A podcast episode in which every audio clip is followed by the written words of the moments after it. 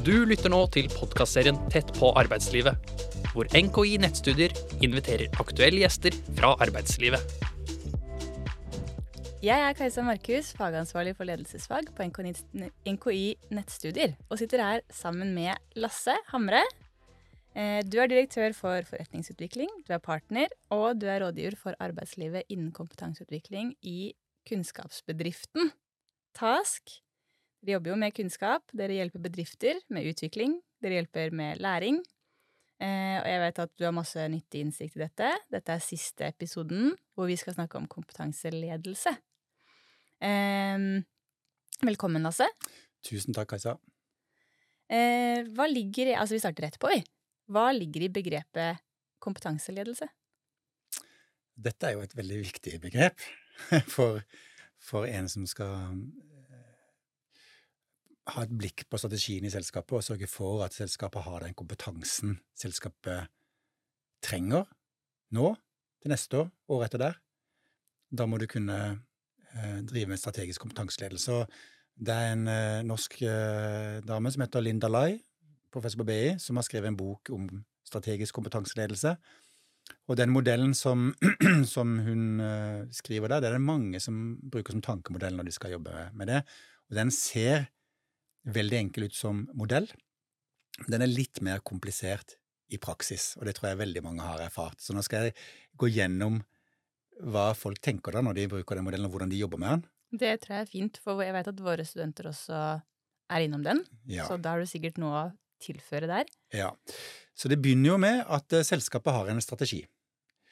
Og så må den strategien da operasjonaliseres i hva slags type kompetanser trengs for å kunne oppfylle de strategiske målene som virksomheten har satt fremover. Og da eh, er jo det vel og bra hvis du har den kompetansen i huset ditt. Men det er jo ikke sikkert eh, du har, så det må du finne ut av. Og da går jo folk i gang med en type kompetansekartlegging. Eh, og for å kunne gjøre en kompetansekartlegging, så må du jo finne ut da hvilke kompetanser eh, er det vi snakker om, definere de. Eh, og kanskje du setter det inn i en type jobbprofiler med kompetanse som kreves for hver jobbprofil. Og det å få opp det rammeverket, hvis ikke du har det allerede, er en kjempejobb. Så det må du ha først. Eh, så når du da har fått den på plass, så må du hente inn data fra din egen organisasjon på hvilken kompetanse er det hver medarbeider har, og de må jo da helst kan du ha litt objektive data som ligger i deres HR-systemer, kanskje, CV-er og så videre, men også så må det være litt selvrapportering, litt sånn selvskåring, da. Så da får du en datafangst, og allerede her så begynner det å bli vanskelig, fordi at folk kanskje scorer seg for høyt, eller scorer seg for, for lavt, er for beskjedne, eh, og kanskje det kompetanserammeverket som du har bygd opp, ikke gjenspeiler virkeligheten godt nok. Men du jobber nå på og får en oversikt over det vi kaller for kompetansebeholdningen. Og så tar du og matcher kompetansebeholdningen med den strategijobben du gjorde, med de kompetansekravene som du tror strategien har, og da vil du få opp en gap-analyse. Og dette her høres jo helt logisk ut, men i praksis så er den jobben veldig vanskelig og veldig tidkrevende hvis du jobber i en stor bedrift. Men det er veldig bra å gjøre det, for du får jo oversikt. Men problemet er jo at det, det, så, det tar så lang tid og er så energitappende at når du har gjort det, så har det kanskje gått, kanskje gått så mye som et halvt år. Og hva har skjedd i løpet av det halve året? Jo, strategien har forandra seg lite grann. Alle eh, Virkeligheten har forandra seg litt. Bare tenk på hva som har skjedd det siste halvåret med AI. Eh, og de dataene du har fått eh, på alle disse personene, de har jo også lært noen ting i løpet av det halve året, så dataene dine er ikke ferske lenger. Og mange klør seg i hodet og tenker hva skal jeg bruke disse dataene til? Det skulle jo være enkelt å ta ut en gapanalyse, men jeg føler kanskje ikke at jeg kan bruke det like godt nå. Men Så det er et problem, at du har, ikke, du har mange mangler med de dataene, og at det har tatt lang tid. Men hvis du allikevel har, har gått mot, så kan du sette deg ned og så tenke vi må utvikle vår kompetanse. Eller vi, må, vi, må, vi, må, vi har fire valg, da, ifølge Linn og Lai. Det er jo å anskaffe, rekruttere. I en tidligere episode nevnte jeg huskeregelen build, borrow, buy. Det er jo det vi snakker om. Du kan anskaffe deg eh, kompetansen ved å kjøpe den, buy. Du kan eh, borrow ved å, å, ved å leie inn kompetansen. Og du kan build ved å kompetanseheve folk. Og så har Linda også eh, en prosess der du, eh, der du rett og slett sier opp folk, da. Fjerner folk som ikke du trenger lenger. Kompetanse ikke du trenger. Og så holder du på med dette en stund, og så evaluerer du og ser har du nådd de målene du skulle, og så må du revidere dette, og så går dette rundt og rundt. Så enkelt i teorien, veldig komplisert i praksis. Og da må jeg bare gi litt sånn eh, godt mot til folk. Det fins mye eh, teknologiutvikling på det området nå som kan hjelpe deg til å forenkle de prosessene. Jeg tror jeg vil si det så kort. Ja. Godt mot, med andre ord. Ja, med godt mot. Det er kanskje derfor man velger seg inn med i HR-yrket. Man har noe man ønsker å få til. Man får uh, sette et livs med godt mot. Um, nå hadde jeg tenkt å spørre deg altså et spørsmål som står på blokka mi her. Hvilken strategi skal man velge, og så videre og så videre. Men da er det jo godt mot som er svaret. Men, um, men um, Eh, kan vi jo si litt sånn på, på, på tull eller på, på, ekte. Men ok, la oss si eh, at du, ønsker, du gjør en sånn gap-analyse, og du ser at eh, vi trenger flere folk eh, med kompetanse på et område som det er vanskelig å rekruttere på. For eksempel, vi har lyst å eh, lage en eh, intern Altså funksjon, da, som, som er basert på AI. Hvordan, og da trenger vi Det har vi ikke kompetanse på per nå. Det, hvordan skal vi rekruttere den? Åssen strategi velger vi da, utover godt mot? mm. Ja, det med AI er jo veldig spennende, så jeg er sikker på at når noen hører på den podkasten i 2025, så har mye forandra seg. Ja, det er jeg sikker på, ja. Men akkurat nå, her som vi sitter nå, så er det det viktigste omtrent i hele verden. Og så er jo det veldig interessant for hvordan skal du rekruttere deg et menneske som kan hjelpe deg med den tjenesten du vil utvikle, som er AI-drevet. Hva slags strategi skal du velge? For det er jo en god del ting her som begynner å bli litt vanskelig. Eh, for det første så er jo AI så nytt, så, så skolene, universitetene, har ikke kommet i gang med utdanninga ordentlig, kanskje, på det som er den virkeligheten vi lever i nå. Det er mange som har jobba med kunstig intelligens lenge, men men disse menneskene har jo kanskje blitt rekruttert allerede til områder som er mer cutting edge og langt der ute og veldig sånn, og din bedrift er kanskje ikke så cutting edge, du skal bare ha en sånn tjeneste, så, så du får kanskje ikke tak i det. Så det er jo det ene problemet. Det andre problemet er jo at du må ha bestillerkompetanse. Du må jo allerede ha kompetanse inhouse for å kunne bestille det som du tror du skal lage. Mm. Så hvordan skal du bygge opp den kompetansen også? Eh, for det må dere jo finne ut av sjøl. ja. Med den kompetansen dere har. Ja, nå begynner det å bli flere lag kompetanse. Det, Men det begynner å bli flere lag. Ja. ja for vet, hvis du skal bestille, så, så, kan du jo Rekruttering er jo en slags type bestilling, men du kan jo også bestille eh, dette eh, via et IT-selskap da, som leverer dette. Som de har kanskje sugd til seg de viktigste ressursene først. Uh, nei, så skal du da bestille den kompetansen, uh, og da må du ha bestillerkompetanse. Jeg vet ikke om vi er et godt eksempel på noe, men AI har jo kommet uh, og slått våre bransje i hodet med, med masse nytt um, i det siste. Og jeg har jo gitt et råd til alle HR-folk for å holde seg oppdatert, det er jo å delta. Så vi prøver å delta så mye som mulig i det vi kan, og vi har etablert noe som vi kaller AI-lunsj en gang i uka, der um, vi alle deltar i ting, og så deler vi det vi holder på med, sånn at flere får rede på det, slik at vi har i hvert fall rådgiverkompetanse, for vi er jo rådgivere, mm. på dette området.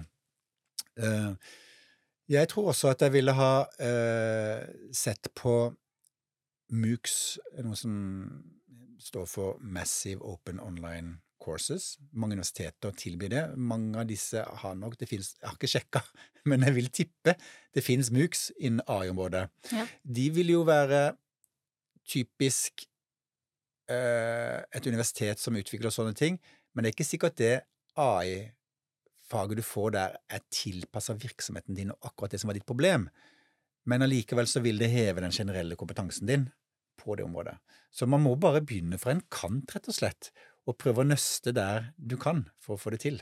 Mm. Mm. Og det er jo kanskje nettopp det som ligger litt i ordet ledelse, da, i kompetanseledelse. Prøve å gå foran som et godt eksempel som vi snakket litt om du og jeg da, i pausen. Mm. Eh, lede virksomheten mot eh, så godt man kan. Prøve å få med seg, og så plutselig dukker det opp et smart hode og noen gode ideer, og så, så har man på en måte fått med seg, fått med seg eh, gjengen, gjengen sin, og så ja, går man fremover. Og så dukker det opp en mulighet. Hvis vi spoler tilbake til den første spørsmålet ditt, til dette med strategisk kompetanseplanlegging og kompetanseledelse, jf. Linda Lai, så gjennomførte du jo en sånn kompetansekartlegging. Og der kom du over faktisk noen spennende folk i virksomheten din som ligger litt langt framme. De har, de de har lagd en egen eh, boks, de, som de har tikka og sagt at vi, vi har jobba litt med generativ eh, kunstig intelligens eh, og, og dette syns vi er spennende, vi ikke, men vi har begynt litt å gjøre oss litt kompetente på det.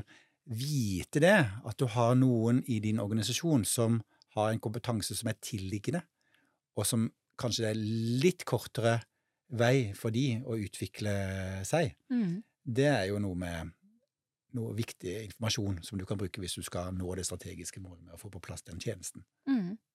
Og så er det jo kanskje ikke sånn at, all, at man nødvendigvis har all kompetanse, men at man kan eh, ved god kompetanseledelse så kan man jo også, som du sier, da, ha litt oversikt. Eh, så, og så er man på en måte Hvem er det som er villig til å være med på denne, denne Den reiser, ja. Til, til reisen, eller tilegnelsen til, Ja. Å, det var et vanskelig ord å si! Tilegnelsen. ja, takk. Ja. Vi har jo IT-folk eh, på kontoret vårt, og jeg, jeg snakker jo stadig vekk med de og sier at denne ideen har jeg lyst til å lage. Det blir AI-generert en Mm. Tenk så gøy det blir. Er det vanskelig?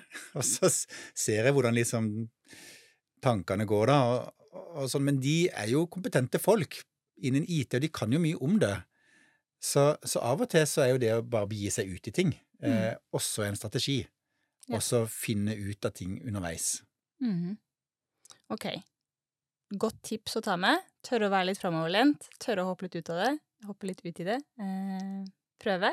Prøve og feile, og så prøve bedre. Er ikke det noe som eh, et sånn klassisk ordtak? Jeg vil ha det i min læringskultur, Ja. at det er lov å prøve og feile. Mm. Mm.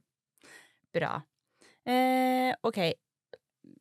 Litt videre på ulike typer kompetanse. Altså for eksempel eh, litt sånn dette med åssen eh, Hvilken kompetanseutvikling da, trenger man på en arbeidsplass? Det har jeg vært inne på. Hva, hva, vi har gjort en gapanalyse, vi har funnet at vi trenger litt forskjellige ting. Men er det forskjell på type kompetanse? For eksempel eh, Altså et klassisk HMS-kurs. Man kanskje tenker at det er typisk at eh, HR sitter og sier at vi må, nå må vi gå gjennom sånn HMS-kurs igjen. Og eh, altså compliance eller eh, Altså, ja, litt ulik type kompetanse. Er det forskjell på det? Mm. Det er i hvert fall blitt det. Uh, altså uh, Den delen av HR som jobber med kompetanseutvikling, og som jobber med det vi snakker om eh, med læring og utvikling, det heter jo på engelsk LND, Learning and Development. Så det, det, det ligger jo noe veldig utviklende i det å tilby opplæring, ikke sant, og du skal utvikle virksomheten. Eh, Så er det det kurs som kalles compliance. Altså det er jo regelkurs som det er et krav om at du må ha. Og de er ikke alltid like utviklende. Det er mer sånn sjekk at vi har sertifikatene våre i orden. Du må ha et HMS-kurs.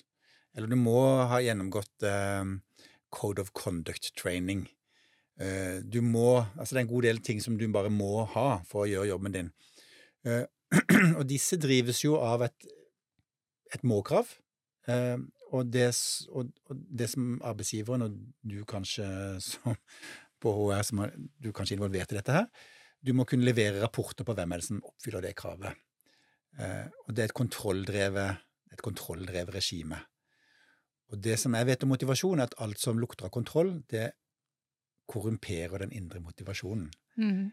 Og det kan du se på mye av det som er lagd innenfor compliance-området, at det er veldig lite indre motivasjon lagt til rette for det. For dette, det er kravet og kontrollen som driver det fram. Og så har man ikke investert mer i det, for det er bare et krav, og du må gjennom, gjennom det da. Så vi prøver hos oss da å lage disse kursene fengende og engasjerende, for det, det er litt eh, på tvers av kanskje det som er gjengs. Men det gir i hvert fall en mye mer større vekst og, og utvikling og glede, og, og høyere, kan du si, kvalitet på læringa, da. Mm. Mm. Ja, for nå sitter jo altså jeg som fagansvarlig sitter jo og kvalitetssikrer og prøver å lage spennende, motiverende kurs. Og så prøver jeg å ha liksom antennen ute og høre hva, hva, er det som, hva er det folk syns er eh, er spennende når de tar et kurs, og da sier de det er så kjedelig når man bare må sitte og trykke seg gjennom noe greier. Eh, så det er jo kanskje det som kan være en sånn frykt, da, når man sitter og må, eller skal utvikle noen sånne må-kurs eh, og sende ut. Men, eh, men hvordan kan du da prøve å Altså som HR-ansvarlig eller innenfor du har, du har, fått et ansvar, da, for å, for å øke kompetansen til dine ansatte. Eh, og hvordan kan du prøve å synliggjøre verdien av denne kompetansen, selv om det kanskje er litt sånne må-krav eller litt Ja, synliggjøre verdien av kompetanse? Eh, ja. Det er jo Jeg har lyst til å bringe inn eh, det er et kulturspørsmål, for å si det sånn. Hva, hva, hvor mye verdi har kompetanse? Og jeg ser det hos forskjellige av mine kunder, hvordan de verdsetter, uh, verdsetter eh, kompetanse. Jeg har en kunde som sier hos oss så er det kultur foran katalog.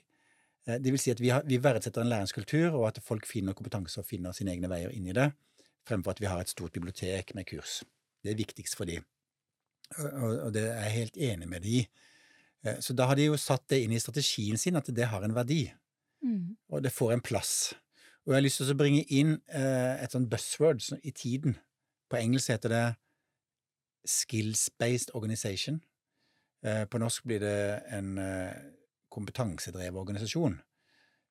Det du vil ha, er en kompetansedrevet organisasjon, der det er kompetansen som er poenget, og ikke nødvendigvis Kajsa eller Lasse eller personene eller hodene, men det er det, de kompetansene som denne organisasjonen trenger for å løse det strategiske oppdraget. Vi kommer stadig vekk tilbake til strategien.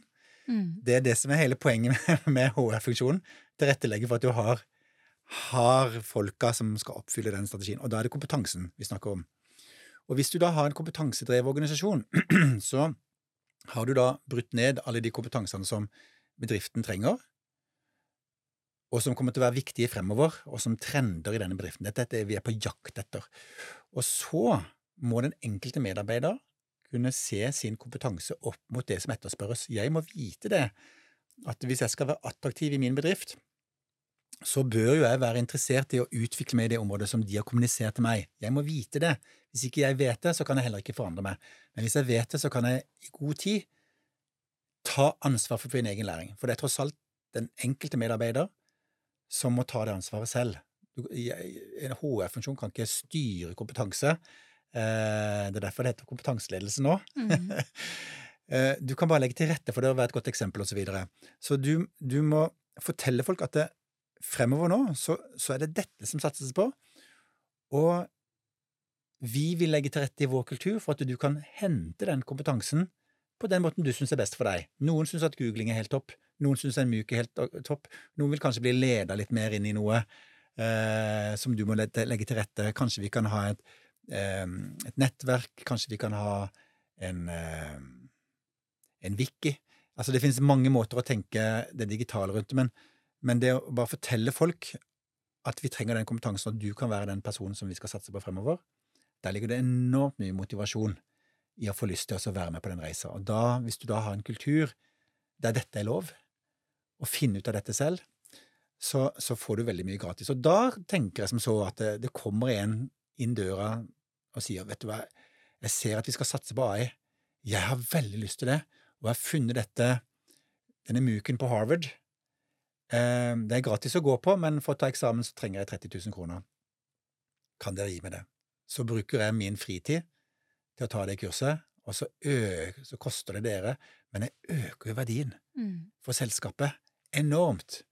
For hvor tror du, hvor mye tror du det vil koste å leie inn en konsulent fra et IT-selskap?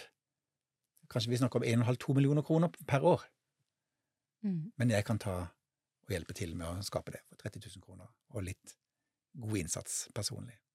Det høres ut som det ultimate argument, og spesielt når man Vi ser ofte altså, Hvis man følger litt med på stillingsannonser eller har søkt en jobb i eh, nærmeste fortid, så står det ofte at vi er en At vi, eh, eh vi kan tilby, bedriften kan tilby faglig utvikling. Mm. Og det går rett på, rett på, dette her, da, tenker jeg. At hvis du sier det, så må du være med å tilby det. Og Ellers så, For vi vet jo at det er høy turnover. Mange, mange som eh, ser seg om etter nye jobber, at det er hyppigere utskiftning enn det var eh, tidligere, hvor folk kanskje sto i jobbene sine lenger. Det hadde en verdi å stå lenge i den samme jobben, men nå er det kanskje mer spennende å, å liksom flytte seg raskt videre. Og hvis man da får muligheten til å utvikle seg eh, på kompetanse sånn rent faktisk, som du sier, få disse kursene eller ja, tilegne seg den nye kunnskapen, være med på det som skjer, så er det sikkert en eh, supergulrot for å beholde flinke ansatte. Eh, som kanskje er et tips om eh, Eller en tankegang, da, som man kan ta med seg inn i arbeidet med kompetanseledelse. Jeg vet ikke om du er enig i det?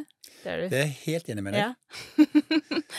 Eh, det, det, var mine siste refleksjoner. Vi har jo hatt eh, tre fine podkaster sammen. Dette var den siste episoden med kompetanseledelse. Og Men har du noe siste ord du vil si før vi avslutter? Ja, uh, jeg har det. Mm jeg har lyst til å Altså, da hører jo jeg sørlending, og, og da, da vil jo fordommene si at da er han sikkert kjempereligiøs. Eh, det er ikke poenget at det kommer noe, med et sitat fra Bibelen. Eh, det er et godt sitat uansett hvor du hører hjemme eh, religiøst eller ikke tror på Gud. Det, vi skal til det første kapittelet i Johannes evangeliet, det første setninga. Der står det I begynnelsen var Ordet, og Ordet ble Gud. Og hva, det det, hva forteller det oss pedagoger om ord? eller begreper, da. Fordi at vi nå Det som Johannes eh, prøvde å si, er jo hvordan skal du forklare et konsept som er Gud, som er så abstrakt? Ja, det begynner med et ord. Du må ha et begrep på det. Og det samme når vi snakker om AI i dag, snakker masse om det. Så hvordan skal vi forstå det? Og det eneste måten å gripe noe som er uforståelig på, er jo å begynne å bygge opp ordforrådet. Og dermed så blir noe som er helt abstrakt og, og umulig å skjønne, etter hvert mulig å begripe begrep for begrep.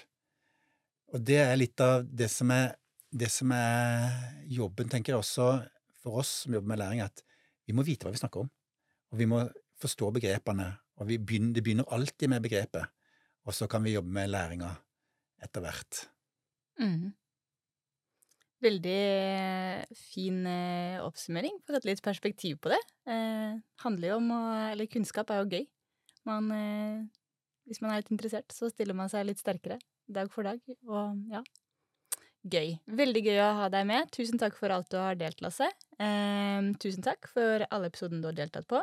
Jeg håper studentene som, eh, eller du som student som hører på, har eh, utviklet din kompetanse litt grann om eh, kompetanseledelse i denne episoden. Eh, og at studentene våre på NKI har fått litt bedre innsikt i dette temaet. Takk.